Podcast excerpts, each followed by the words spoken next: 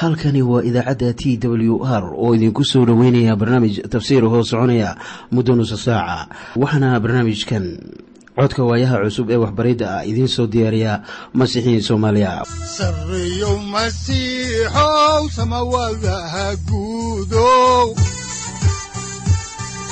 Siraadkii adduunkow subanaha eebow sareyow masiixow samawadaha guudow siraadkii adduunkow subanaha eebow adigoo samaada jiro ifkaan soo saldhiganba adigoo soo saldhiganba kutubtiisanaye udanogu saaciiday sharxin sifahaaga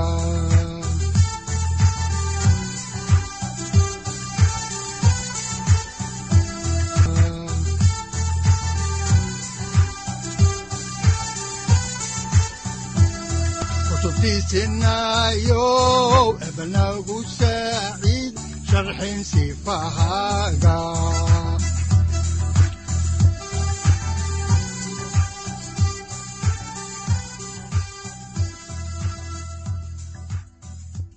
ku soo dhowaada dhegaystayaal barnaamijkeenna dhammaantiinba. Waxaannu horay u sii ambaqaadi doonnaa daraasaadkii aynu ka soo xiganaynay kitaabka bilowgii ee loogu magacdaray baibalka dhammaantii. Waxaynu caawa idiin sii wadi doonnaa cutubka toddoba iyo soddonaad ee kitaabka bilowgii. Halkaasoo qisadii yacquub ama israa'iil ay ka sii socon doonto. Mawduucyada cutubkani uu ka kooban yahay waxa ay kala yihiin kow. Qoyskii yacquub oo loolan soo dhex galay. Labo riyadii yuusuf uu ku riyooday oo keentay in yuusuf la naco saddex yacquub oo yuusuf u diraya walaalihiis. Iyo afar yuusuf oo addoon ahaan loo iibiyey.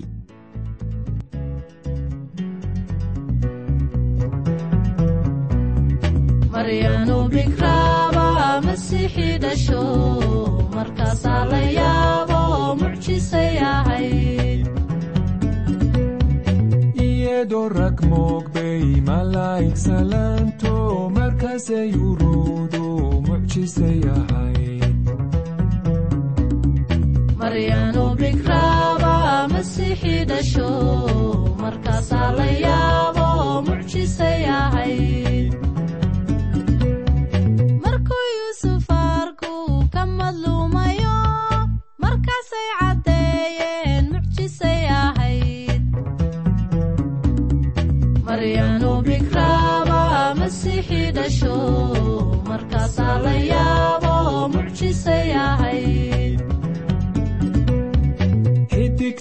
masiixa maqawir arkeeno markaasay caddeeyeen mucjisay ahayd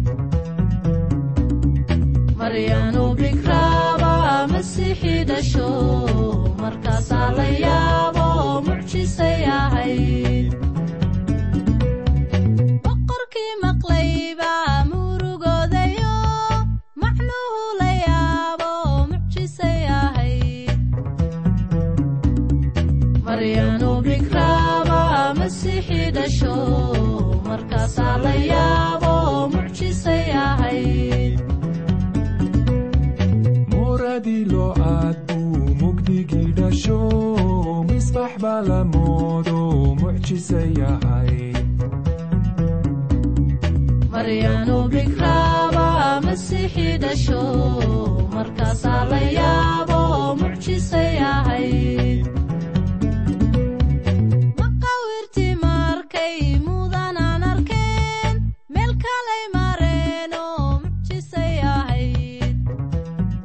waxaynu dhegaystayaal markii noogu dambaysay idiin akhrinay dhibaatadii yuusuf kaga timid walaalihiis. Waxaannu aragnay yuusuf oo loo tashaday in la dilo waxaana dilkii bareerka ahaa is hortaagay ruubeen oo u sheegay inay ceel isaga ridaan intay bareer u dili lahaayeen. Waxaase ruubeen doonayey inuu ceelka ka soo bixiyo dabeetana uu aabbihii u geeyo. Waxaase taladii qaatay yuhuudda oo la yimid arrin kaas ka duwan isagoo leh maxaa faa'iide ah oo inoogu jirta? Haddaynu walaalkan dilno oo aynu dhiiggiisa qarinno haatanna aynu ku bilowno xigashadeenna sida ku qoran cutubka soddon iyo toddobaad aayadda siddeed iyo labaatanaad oo leh oo waxaa ag maray niman reer midyan ah oo bayac mushtariyaal ah markaasay yuusuf soo jiideen oy ceelkii ka soo bixiyeen oo waxay yuusuf kuwii reer ismaaciil kaga iibiyeen labaatan xabbadood oo lacag ah oo iyana yuusuf waxay keeneen masar markay halkan joogto ayaad is odhan kartaa muuse oo ahaa qoraha kitaabka bilowgii waa inuu u fiirsadaa waxa uu leeyahay. Markii ugu horraysay wuxuu yidhi reer ismaaciil. Dabeetana wuxuu yidhi reer midyan. Kolkii dambena wuxuu ugu yeedhay reer ismaaciil. Marka nimankanu waa ayo waxa kanu ma khaldaad kitaabka lagu qorayba waxaan idin leeyahay haddaba kitaabkanu ma lahan wax qalad ah oo lagu qoray. Bal aan ka hadalno iminka maaddada ah yuusuf oo addoonnimo loo iibiyey. Marka tobankii walaalaha ahaa waxay yuusuf ka iibiyeen reer ismaaciil oo geeyey ama u qaatay masar. Haddaan dib ugu noqonno kitaabka ayaa waxaa ku qoran cutubka soddon iyo toddobaad aayadaha sagaal iyo labaatan ilaa kow iyo soddon sida tan soo socota. Markaasaa ruubeen uu ku noqday ceelkii. Wuxuuna arkay inuusan yuusuf ku jirin ceelka kolkaasuu dharkiisii dildillaaciyey. Markaasuu walaalihiis ku noqday oo wuxuu ku yidhi yarkii ma joogo. Haddaba anigu xaggee baan tagaa. Kolkaasay shuluggii yuusuf qaadeen oo intay orgi gowraceen ayay shuluggii dhiiggii geliyeen. Laynooma sheegin in wixii ay sameeyeen ay u sheegeen rubeen laakiin waxaan rumaysanahay inay u sheegeen waxaana laga yaabaa inay ku yidhaahdeen safarradii haatan meel dheer bay gaareen oo innaba la gaari maayo. Markaana waxaa loo badinayaa inuu isagu ku caawiyey sheeko macquul ah oo loo geeyo yacquub. Aynu haatanna eegno cutubka soddon iyo toddobaad aayadda soddon iyo labaad oo leh markaasay shuluggii midibyada badnaad direen oo ay aabbahood u keeneen oo waxay ku yidhaahdeen kan waannu helnay haddaba bal garo inuu shuluggii wiilkaagii yahay iyo in kale. Waa niman xarfaan ah miyaanay ahayn. Waxay u macaamiloodeen sida inayan arag yuusuf. Waxay iska dhigayaan inay heleen shuluggiisii aniga imaqal waxay garanayeen shuluggaas ay necbaadeen laakiin waxay haatan iska dhigayaan niman aan garanaynin shuluggii midibyada badnaa. Waxaanay aabbahood ku yidhaahdeen miyaad garanaysaa in shuluggana uu yahay kii yuusuf? Yacquub wuu garanayey cidda iska lahayd shuluggaas wuxuuna kolkii dambe talo ku soo goostay tii yuusuf. Walaalihiis ay islahaayeen ee ahayd inuu odhan doono bahal xun baa cunay. Haddaba halkii haddaan ka sii wadno ayaa waxaa ku qoran cutubka soddon iyo toddobaad aayadda saddex iyo soddonaad sida tan soo socota. Wuuna gartay oo wuxuu yidhi waa shuluggii wiilkayga. Bahal xun baa cunay isagii. Shakila'aan yuusuf cadcad baa loo kala jeexjeexay. Waxaad xusuusataa markii rebeqa iyo yacquub ay khiyaanada maleegayeen. Waxay isticmaaleen waxar inay isxaaq uga dhigaan sida ugaar. Oo maqaarkeedii ama dhogortii orgigan yarna. Waxaa lagu dhejiyey gacmihii yacquub si uu aabbihiis been ugu sheego. Haatan yuusuf walaalihiis waxay isticmaalayaan orgiga si ay aabbahood u khiyaaneeyaan. Aabbahoodna nin kale ma ahan ee waa yacquub qudhiisa. Markaan eegno warqaddii rasuul bawlos uu u qoray dadka galatiya cutubka lixaad aayadda toddobaad ayaa waxaa qoran yaan laydiin khiyaanayn ilaah laguma majaajiloodo nin waliba wuxuu beerto ayuu goosan doonaa. Haddii aan beeranno arabiqi waxaynu goosanaynaa arabiqi. Haddii aynu beeranno cagaar iyo geed qodxan leh waxaynu goosanaynaa isla geedkaas qodxanta leh. Waxaynu helaynaa wixii aynu beerannay. Waxaad haatannaa eegtaa sidii yacquub uu ugu baroor diiqay wiilkiisii yuusuf. Aynu arrinkaasi ka eegno cutubka soddon iyo toddobaad ee kitaabka bilowgii aayadaha afar iyo soddon ilaa shan iyo soddon waxaana qoran sida tan. Markaasaa yacquub dharkiisii dildilaaciyey oo juuniyad buu dhexda ku xidhay wiilkiisiina maalmo badan ayuu u barooranayey. Kolkaasaa wiilashiisii oo dhan iyo gabdhihiisii oo dhammu u kaceen inay isaga qalbi qaboojiyaan laakiinse wuu diiday inuu qalbi qaboobo oo wuxuu yidhi anigoo barooranayo ayaan qabriga geli doonaa oo wiilkaygii u tegi doonaa. Aabbihiisna wuu u ooyey isagii. Waxaad baroorashadiisa barbardhigtaa tii daa'uud sida ku qoran samuelkii labaad cutubka laba iyo tobanaad aayadaha shan iyo toban ilaa saddex iyo labaatan. Daa'uud wuu u ooyey wiilkiisa ka dhintay. Wiilkiisana wuxuu u jeclaa sida yacquub u jeclaa yuusuf laakiin daa'uud wuxuu ahaa nin rumaysad leh. Haatanna waxaynu soo gaarnay aayadda ugu dambaysa ee cutubka soddon iyo toddobaad. Waxaanay daba socotaa yuusuf oo masar la geeyey. Haddaan idinka akhrinno wax xaalkaas ku saabsan kitaabka bilowgii ayaa waxaa ku qoran cutubka soddon iyo toddobaad aayadda soddon iyo lixaad sida tan. Markaasay kuwii reer midyan isagii masar kaga iibiyeen nin la odhan jiray fotifar wuxuuna ahaa sargaalkii fircoon oo ahaa madaxa waardiyayaasha haddaba qisadii yuusuf halkan baynu ku istaajinaynaa. Waxaanse ku soo noqon doonnaa markii la gaaro cutubka soddon iyo sagaalaad ee kitaabka bilowgii. Waxaannu caawa idiin bilaabi doonnaa cutubka soddon iyo siddeedaad ee kitaabka bilowgii. Halkaasoo ay ka sii socon doonto qisadii reerkii yacquub. Mawduuca cutubkanu waa mid waxaana weeye kow dembigii iyo ceebtii yuhuudda. Kanu waa cutub kale oo u muuqda inaan loo baahnayn. Markaad akhriso qisada ku qoran cutubkan ayaa laga yaabaa inaad jeclaysato in layskaba dhaafo in lagu soo daro baibalka. Dad badan ayaa i weydiiyey waxaa cutubkani loogu soo daray hadallada ilaah. Waxaanan diidanayn in cutubkani uu yahay mid ka mid ah kuwa ugu xunxun ee kitaabka baibalka. Cutubkan wuxuu khuseeyaa dembigii iyo ceebtii yuhuudda waxaanay tanu keentay inaan idhaahdo wiilashii yacquub innaba uma keenin wax qalbi qaboojis ah aabbahood. Waxay u muuqataa in carruurtaas oo dhaniba yihiin kuwo dhib badan marka laga reebo yuusuf iyo benyamiin war muxuu yacquub ka duwanaa ibraahim? Soo ma xusuusatid in ilaah yidhi sida ku qoran cutubka siddeed iyo tobanaad aayadda sagaal iyo tobanaad ee kitaabka bilowgii sida tan soo socota.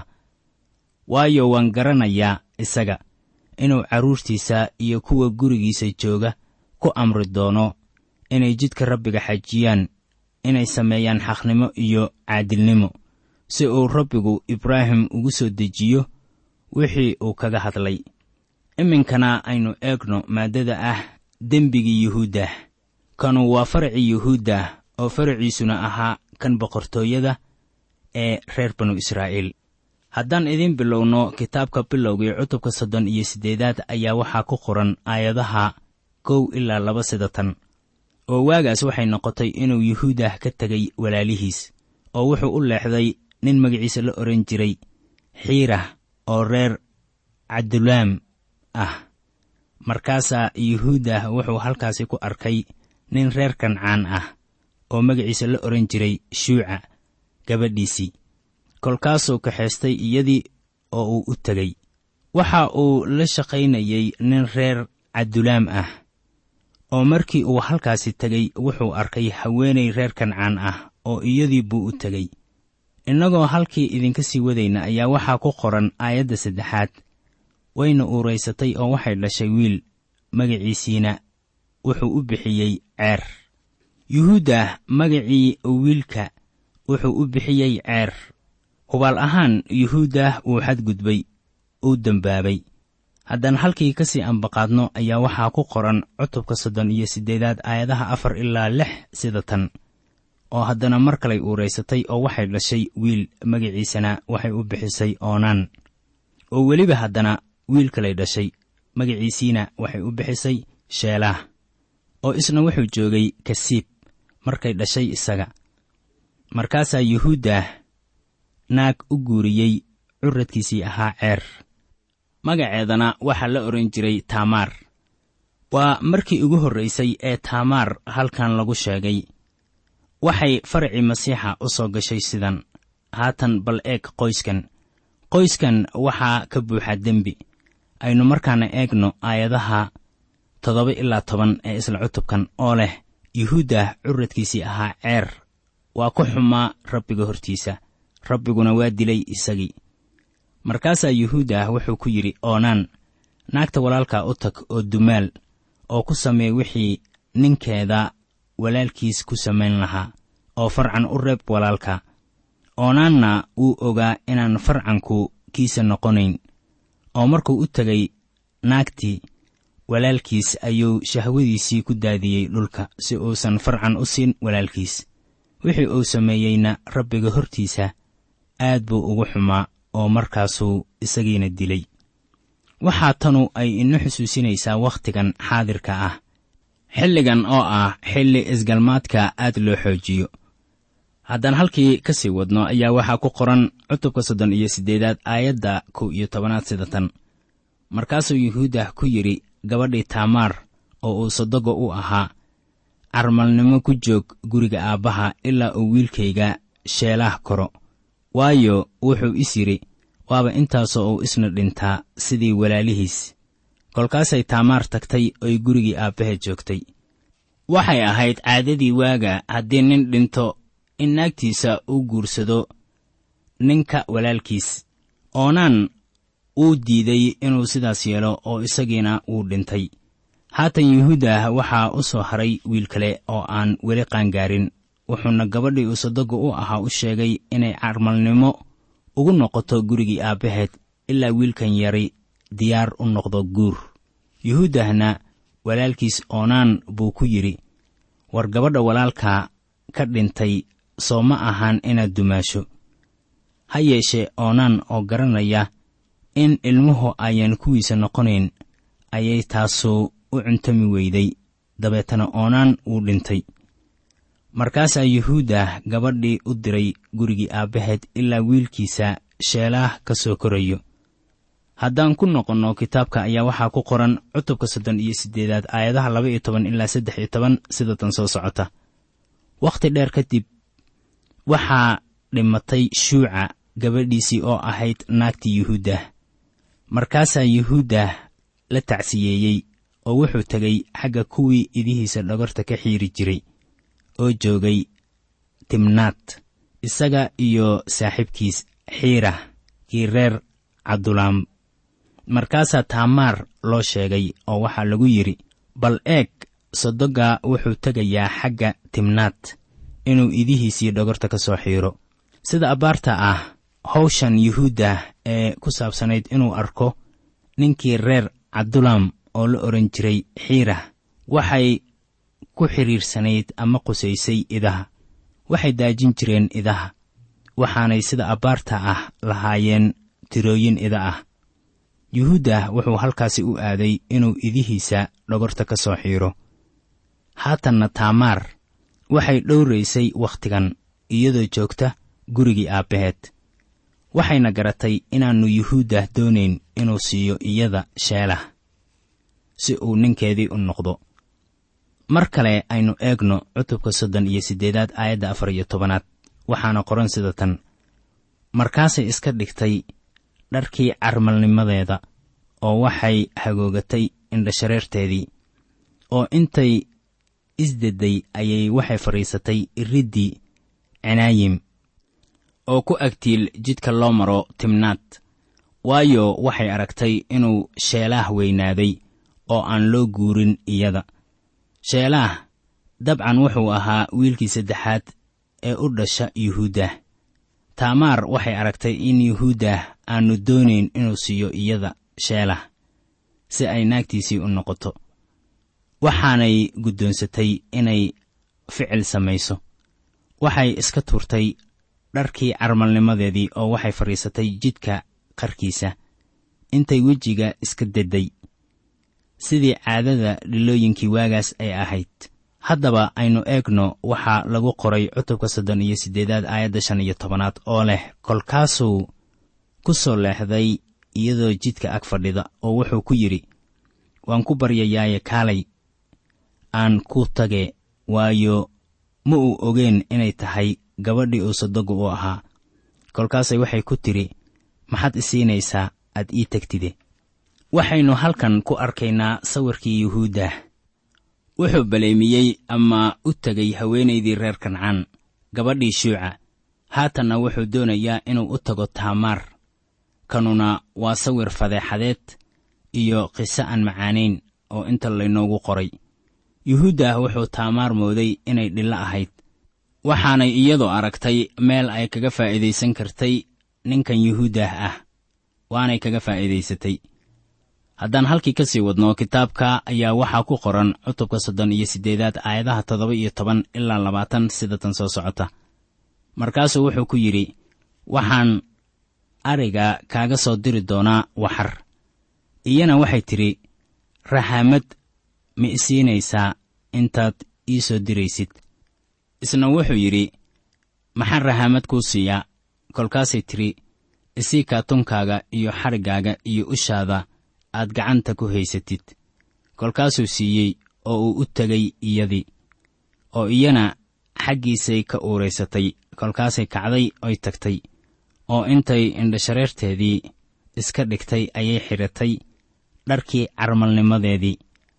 Markaasaa yuhuuddah waxar ariga ka soo diray oo wuxuu ugu soo dhiibay gacanta saaxiibkiis kii reer cabdulaam inuu raxaamaddii ka soo qaado gacantii naagta laakiinse iyadii wuu waayey.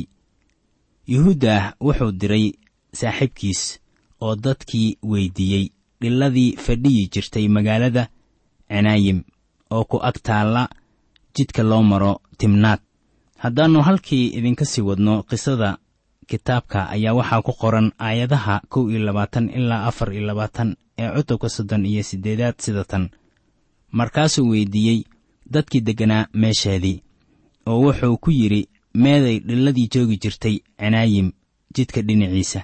Kolkaasay iyana ku yidhaahdeen halkan dhillo ma joogi jirin. Markaasuu ku noqday yuhuuddah oo wuxuu ku yidhi iyadii waan waayey dadkii meeshaa degganaana waxay igu yidhaahdeen halkan dhillo ma joogi jirin.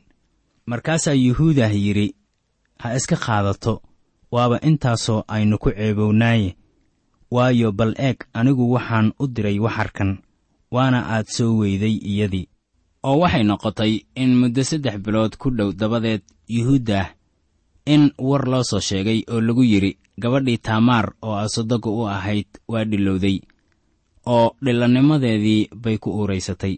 Markaasaa yuhuuddah yidhi soo bixiya oo ha la gubo taamaar waxaa haatan la hor keenay sodogeed haddaba aynu caawa ku bilowno xigashadeenna kitaabka bilowgii cutubka soddon iyo siddeedaad aayadda shan iyo labaatanaad.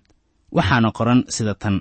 Kolkaasay markii la soo bixiyey farriin u dirtay sodogeed oo waxay tidhi ninka alaabtan leh ayaa i uureeyey oo waxay kaloo tidhi waan ku baryayaaye bal hubso ninka leh kuwan ah kaatunka iyo xargaha iyo usha. Yuhuuddah wuxuu doonayey inuu gubo laakiin waxay tidhi waa hagaage. Waxaan jeclaan lahaa inaad ogaato cidda aabbaha u ah dhallaanka. Oobay tidhi waa ninka leh waxyaabaha kan aan ku tusayo. Yuhuuddahna wuu fiiriyey oo wuxuu qirtay inay waxyaabahaasu kuwiisii ahaayeen haddaan halkii idinka sii akhrino ayaa waxaa ku qoran cutubka soddon iyo siddeedaad aayadda lix iyo labaatanaad sida tan. Markaasaa yuhuuddah u qirtay iyagii oo wuxuu yidhi iyadu way iga xaqsan tahay waayo waxaan iyada siin waayey wiilkayga shalaah ah. Mar dambana uma uu tegin iyadii. Tan way ka yaabisay yuhuudda xitaa laakiin waxaynu arkaynaa sida uu ugu dhaqmayo qaar ka mid ah caadooyinkii reer kancaan bal aan yara hakado oo aan eego haddii aan wax cun ka baranayno cutubkan.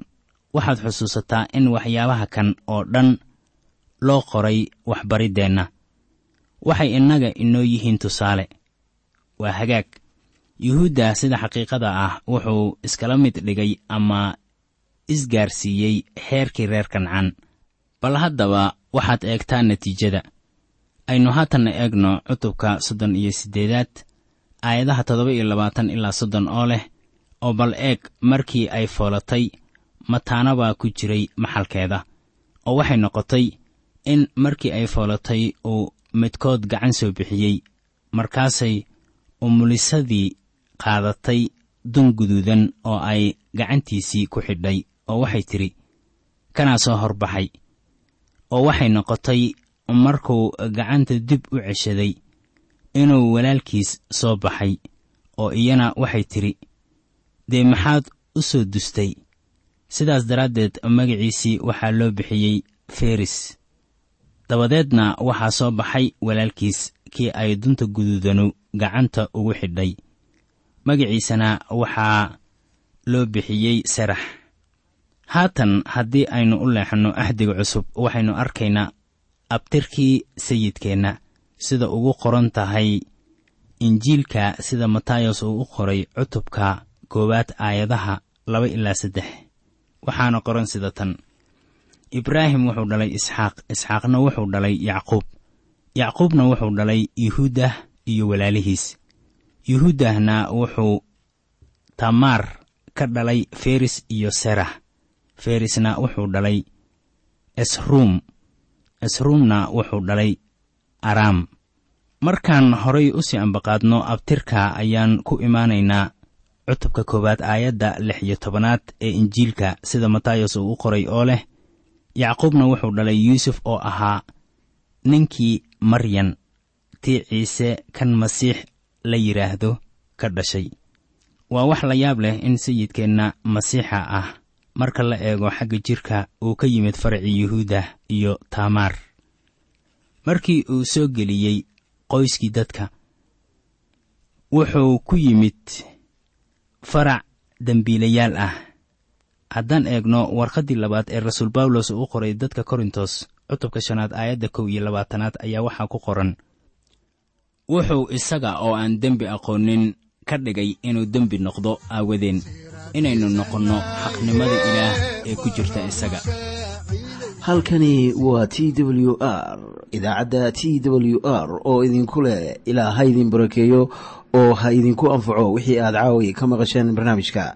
Waxaa barnaamijkan oo kalaa maqli doontaan habeen dambe hadahan oo kale haddiise aad doonaysaan in aad fikirkiina ka dhiibataan wixii aad caawi maqasheen ayaad nagala soo xiriiri kartaan som t w r at t w r c o k e dhegaystayaal haddii aad doonaysaan inaad mar kale dhegaysataan barnaamijka fadlan mar kale booqo www t t b o r g ama www t w r o r g halka sare waxaad ku arkaysaa markii aad gasho language ama luuqadda waxaana dooranaysaa soomaali haddii aad doonaysaan in aad dejisataan oo kaydsataan barnaamijka ama aad mar kale dhegaysataan fadlan mar kale booqo www t t b t w r o r g ama www t w r o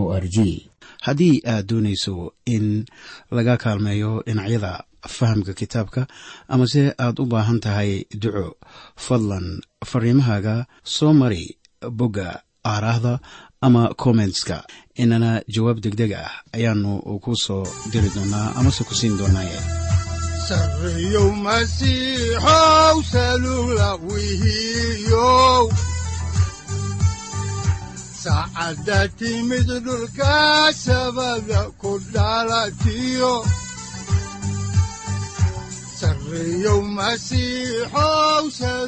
halkani waa t w r oo idiin rajaynaya habeen baraare iyo barwaaqaba leh inta aynu ka gaari doono wakhti aynu ku kulanno barnaamij la mida kan caawayay aad maqasheen waxa aan idinku leeyahay nabadda ciise masiix ha idinku badato xagga jidhka iyo ruuxaba aamiin